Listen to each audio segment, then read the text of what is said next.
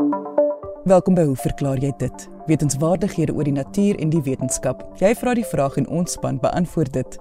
My naam is Lise Swart en ons paneelkenners vandag is teoretiese fisikus professor Hendrik Geier, ekoloog Dave Peppler en herpetoloog professor Lefras Meton. Indien jy 'n vraag het, stuur jou e-pos na lise@rsg.co.za. Ons gaan vandag begin met 'n vraag van Smitty de Villiers van die Parel wat teoretiese fisikus professor Hendrik Geier vir ons gaan beantwoord. Smitty skryf: Hallo Lise. Ek het jare terug op universiteit in fisika geleer dat as twee karre teen mekaar reg van voor bots, nadat albei teen byvoorbeeld 60 km/h gery het, is die botsspoed 60 km/h en nie 120 km/h nie. My vriende sê ek moet my geld terugvra van die universiteit. Wat is die waarheid? Nou goeiemôre luisteraars. Uh, dag sê Elise en dankie vir die geleentheid om op Smitty se vraag te antwoord. Die sleutel in Smitty se vraag is wat ons nou verstaan onder botspoed. So net weer om te herhaal wat hy vra of of die situasie wat hy skets, twee voertuie bots reg van voor af vir verdere gesprek gaan ek nou maar aanneem hulle is identies. Dit is nie nodig dat dit so moet wees nie, want maak net die analise uiteindelik dalk 'n bietjie makliker. Hulle hulle ry teen dieselfde spoed, bots reg van voor teen mekaar, sê maar teen 60 km/h. En hoe dink 'n mens nou oor hierdie situasie? Nou waar kom die 120 km/h vandaan? Wel een ding wat definitief uh, duidelik is is dat die relatiewe spoed van een voertuig ten opsigte van die ander een is 120 km/h want hulle kom albei 'n spoed van 60 km/h na mekaar toe aangery so elkeen sien eintlik 'n voertuig wat relatief tot hom 120 km/h ry. Wat sou ons nou verstaan onder botspoed? Dit lyk vir my waarvan ons hier praat is om nou twee situasies te vergelyk waar die kop-aan-kop -kop botsing plaasvind en een waarin 'n voertuig met 'n spesifieke spoed teen sê maar 'n muur of 'n rots of iets uh vasjaag uh wat nie meer gee nie. En die vraag is nou is die situasie waar die twee voertuie kop aan kop elkeen teen 60 km/h teen mekaar bots ekwivalent aan die aan die situasie wanneer een voertuig teen 120 km/h in 'n versperring vasjaag wat nie meer gee nie. Nou die antwoord is nee, die twee goed is nie dieselfde nie en interessant genoeg ek het uh, agtergekom dat uh, op 'n bekende soort um, of 'n bekende uh, televisiekanaal, ek dink nie die program bestaan meer nie waarin twee Amerikaners uh, redelik breedsprake gewoonlik allerlei voorstedelike mites analiseer en uittoets uh, met groot gebaar uh, het hulle hierdie situasie uh, letterlik gaan toets en wat jy kan sien op 'n videogreep wat nou agterna nog sigbaar is of of nagegaan kan word laat hulle 'n voertuig teen ek dink 50 myl per uur teen 'n um, ehm, soliede versperring bots en hulle kyk na die skade en dit lyk nie baie goed nie. En dan met die implikasie dat 'n kop-aan-kop botsing van twee voertuie wat nou albei teen daardie spoed gery het, ekwivalent is aan een wat nou met dubbel die spoed teen die muur vasry, uh wil hulle nou analiseer hoeveel erger so 'n so 'n botsing is. So dan jaag daar 'n motor teen 100 myl per uur teen dieselfde versperring vas en ek moet sê wat 'n mens daar sien gee eintlik koue rillings langs jou ruggraat is glad nie mooi om te sien nie.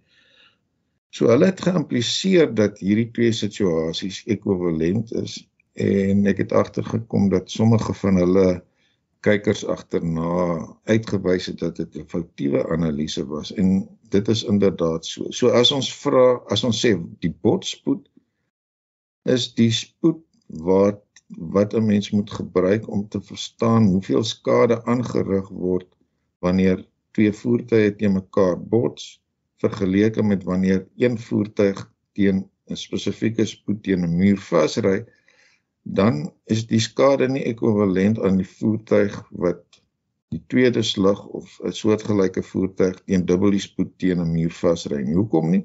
Wel, 'n mens kan hierdie analise nou op twee maniere doen. Jy kan jy kan dink in terme van die momentum wat verander van elke voertuig as hulle kop aan kop bots en vir alle praktiese doeleindes as een wrak bly stil staan dan het hulle 'n sekere elkeen 'n sekere momentum voor die tyd gehad na die tyd is hulle momentum 0 en nou moet 'n mens iets weet van hoe lank het die botsing geduur om uit te vind wat was die krag wat hierdie verandering in bots uh, in momentum meegebring het maar ek vermoed wat Smitty se dosent destyds in fisika vir hom gesê het is dat 'n mens kan dit baie makliker doen as jy net dink in terme van die kinetiese energie van die voertuie in die geval van die twee wat kop aan kop bots, bereken jy vir elkeen wat was hulle kinetiese energie voor en na die tyd en as hulle stil staan is dit natuurlik na die tyd 0.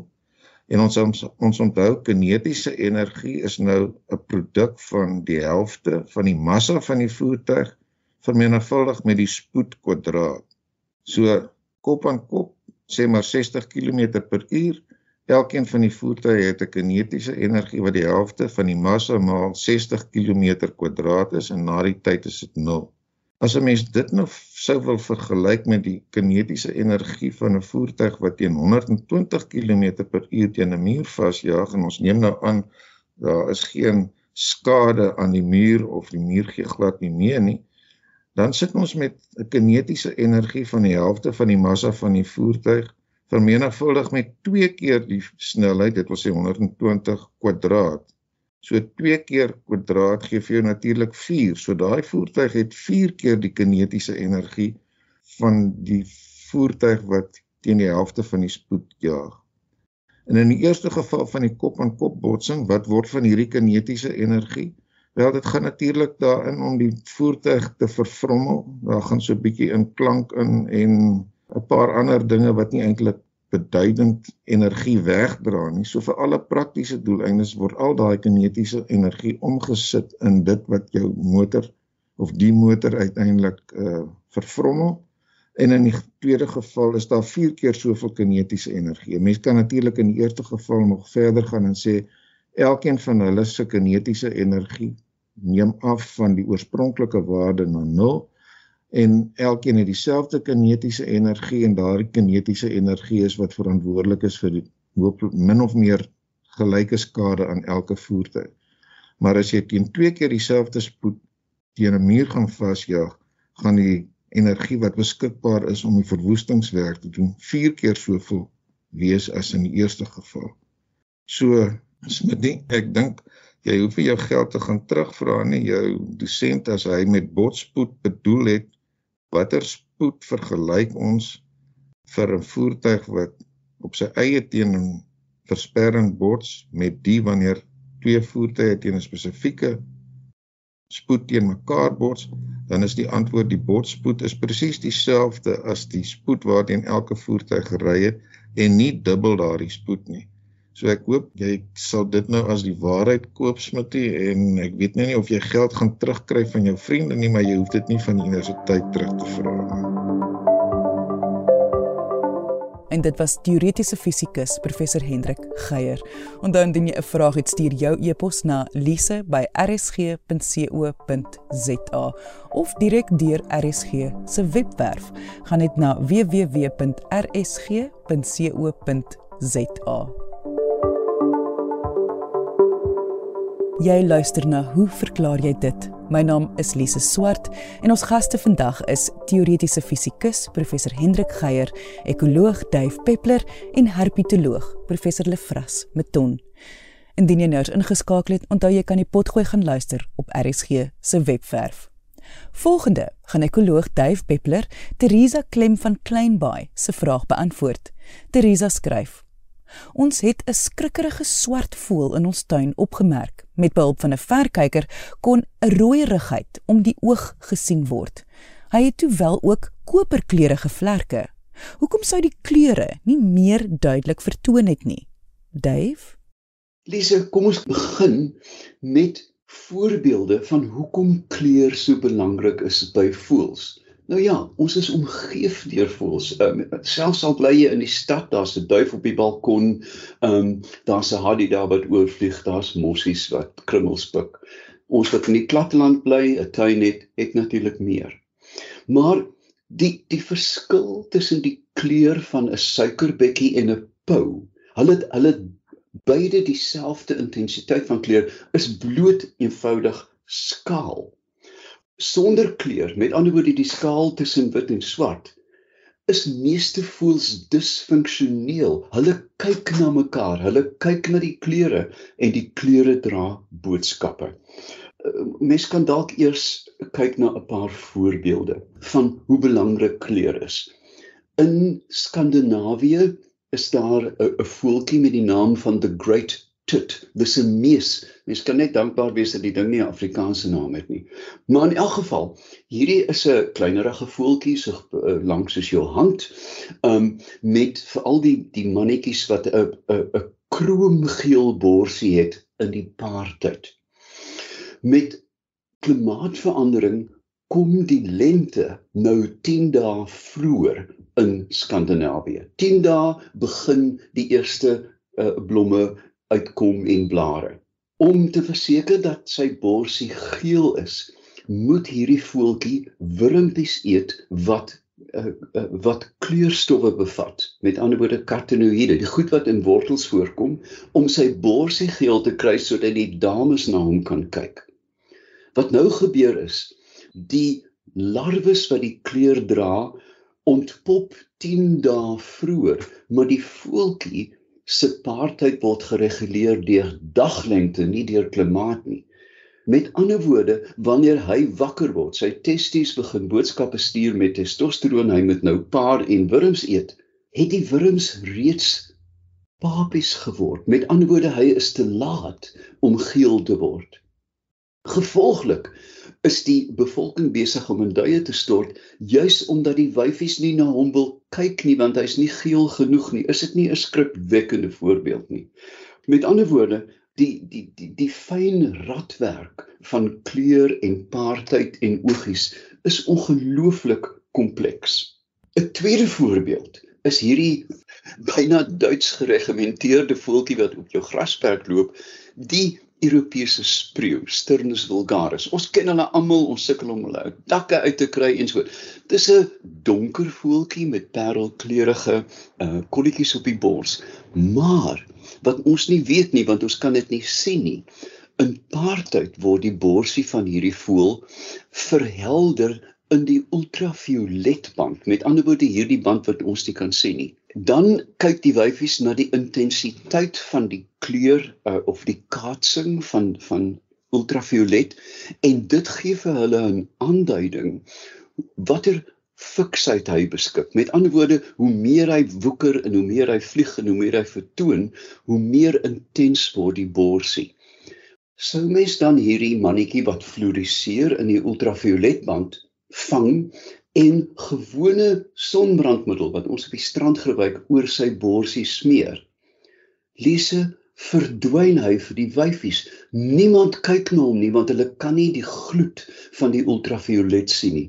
Dit ek, ek, al hierdie hoë vlak wetenskap speel voor ons oë af, maar ons kan dit nie sien nie. Nou weet ons ten minste dat daar's meer as 10000 spesies van voëls op aarde met 'n 'n 'n absolute penseel van kleur. En dit beteken dat hulle almal diep in die uh, in die ultravioletband gewoonlik maar ook in die beskikbare spektrum wat vir ons is nê met ander woorde hierdie die die reënboog wat ons sien hulle sien dit ook. Nou hoe op aarde word hierdie kleur gevorm dit is 'n uh, 'n uh, paar maniere wat hulle kan doen. Die eerste een is deur pigmentasie. Nou pigmentasie uh, verwys na die die mees in in in Skandinawië waaroor ek gepraat het, met ander woorde die geel. Dit kry ons by plante en diere want ons weet ook dat plante se blare en blomme verskil in kleur. Maar by voëls is die eerste een kartinoïde. Met ander woorde, die geel en rooi. Die rooi vink wat ons het en die geel van vink wat ons het, moet sekere sade eet om hierdie kleur te kan produseer, veral in die paartyd. Ons weet ook dat die rooi vink sy rooi verloor na die paartyd. Met ander woorde, daar is die kartinoïde. Dan is daar melanien. Dink aan die pragtige skakerings van menslike vel. By die trope is die vel so donker dat dit dat dit soms byna blou lyk. As jy na IJsland toe gaan, is die mense bleek en met rooi hare. Ons het al gepraat oor hoekom mense rooi hare het, maar tussenin is hierdie fabelagtige band van kleur. En dieselfde geld by voels van naaswit tot pikswart. Dink aan die kraai, dink aan die witkruisarend en dan dink jy weer aan baie ligkleurige voël soos sommige kanaries. En dan is daar porfirine. Hierdie is die kleur wat die helder groen aan papegaaie en veral ook aan die loeries gee. So, ehm um, as ons kyk na die carotenoides, ehm um, dit word bekom deur plante en sade te vreet byvoorbeeld.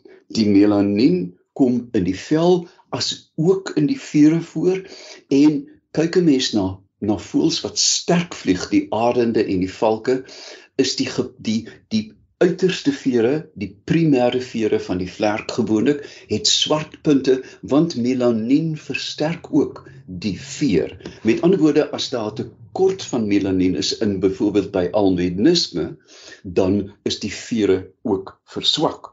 Uh, en dit buffer natuurlik die die vere teen slytasie Die porfirien wat ons voor gepraat het, is aangepaste aminosure en dit fluoriseer helder rooi onder ultraviolet, pinke en bruine en ook dan by duwe, uile en die en die loeries gee dit van die interessante kleure.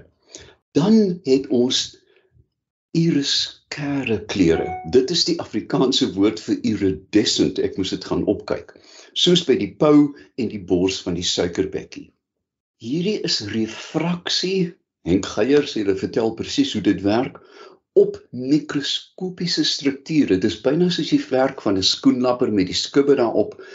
Met ander woorde, wat jy sien bestaan eintlik nie. Dit is kleur wat deur middel van refraksie in hierdie pragtige reënboog en neonkleure omvorm word dit werk eintlik presies soos 'n prisma. Ons ken die ou storie van Newton wat die prisma by die gleufie gesit het en toe skielik gesien het dat wit lig bestaan uit hierdie bondel handvol pragtige kleure.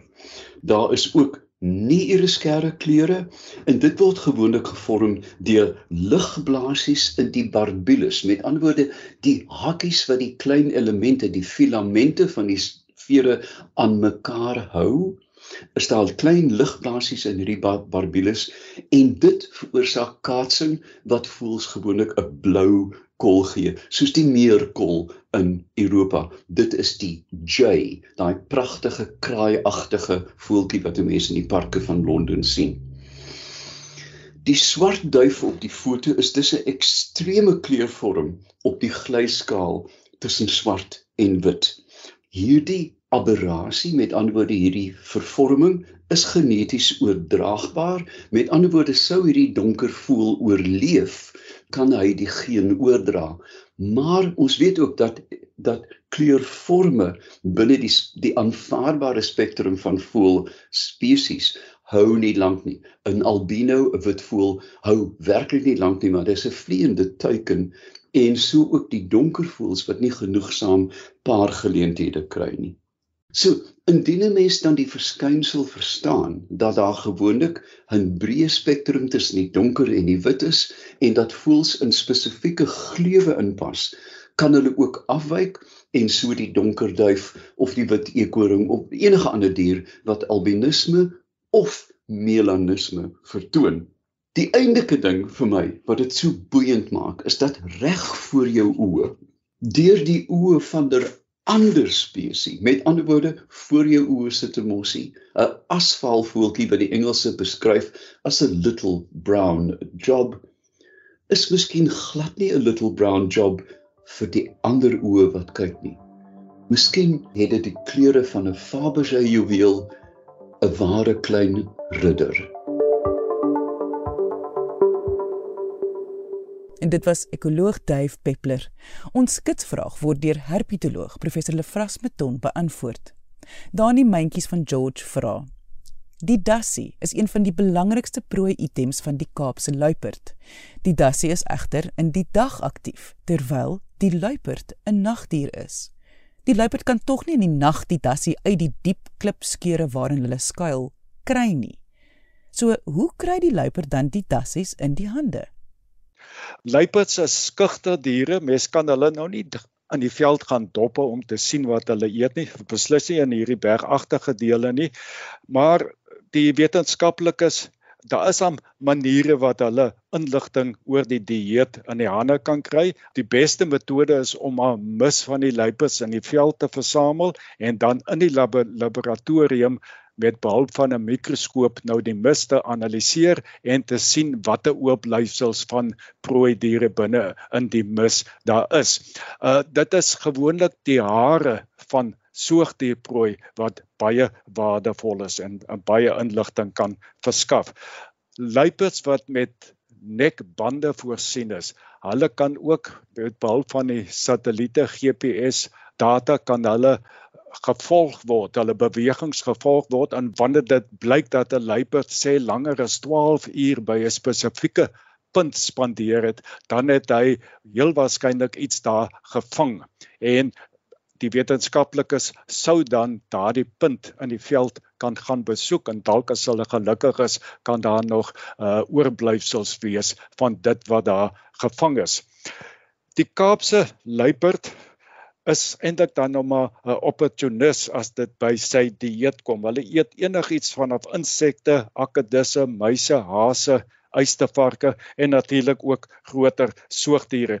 Die beskikbare inligting wys dat die gunsteling prooi egte klipspringers en dassies is. Uistervarke en die Kaapse grysbok is ook redelik prom prominent in sy dieet en ek weet daar in die in die Suid-Kaap is die bosbok word hy ook nogals baie gevang. En in die die Klein Karoo, daar in sekere dele vang die die luiperds ook uh, bobbejane. Dit is natuurlik 'n hoë risiko uh, prooi vir die luiperd. Nou die luiperd is mos nou 'n nagdier of of wel ons vermoed of die meeste van ons dink hulle is nagdiere en klipspringers is groot en kan nie wegkruip nie en die luiperds kan hulle dus nou nie in die nag vang. Maar nou wat van die dassies? Ons weet dat uh, soos Dani ook dan nou uitwys, uh dassies is mos nou in die dag aktief. Die dassies het uh, hulle termoreguleringsvermoë is eintlik baie swak ontwikkel en op baie warm dae soos nou in hoogsomer dan is, loop hulle die gevaar om te oorverhit. So en op sulke dae het die mense al gevind dat dassies vroegoggend eintlik nog voor die son op is. Dis nou skemer al, dan sal hulle uitgaan om te voed en ook uh, vroeg aand na die son al gesak het, maar dis nou ook skemer nog, dan sal die dassies ook uitgaan om te voed en dan kan die luiperd hulle natuurlik in die skemer vang. Maar in die winter Dassies kan nie hulle liggaamstemperatuur met behalwe of die metabolisme opstoot nie en dan kom hulle eers laat in die winteroggende uit en dan spandeer hulle ook nog 'n lang tyd om in die son te bak. So as die luipe dan 'n dassie wil vang, dan gaan hy moet dit in die, die dag doen. Nou ek het met Janie Haywood van die Cape Leopard Trust gesels en sy sê luiperds is so 80% nagaktief en 20% dagaktief. Hulle het ook al fotos gekry. Hulle stel mos hierdie kamera valle vir die luiperds en uh, die luiperds loop dan nou op die paadjies en dan aktiveer hulle die die kameras en dan word dan nou 'n foto geneem. Sy sê hulle het 'n hele paar fotos van luiperds wat met dassies uh, in die mond afgeneem is. En interessant al hierdie fotos is in die dag afgeneem. So die luipers vang wel die dassies eh, dan ook in die dag al is hulle eintlik nagdiere. En dit was herpetoloog professor Lefras Meton. Indien jy 'n vraag het, stuur jou e-pos na lise@rsg.co.za. Jy mag onder 'n skuilnaam skryf of vra om anoniem te bly. Ek sê baie dankie aan ons kenners en vraagstellers vandag. Onthou om altyd nuuskierig te bly en vra te vra. Tot volgende week hier op RSG saam met my, Lise Swart. Totsiens.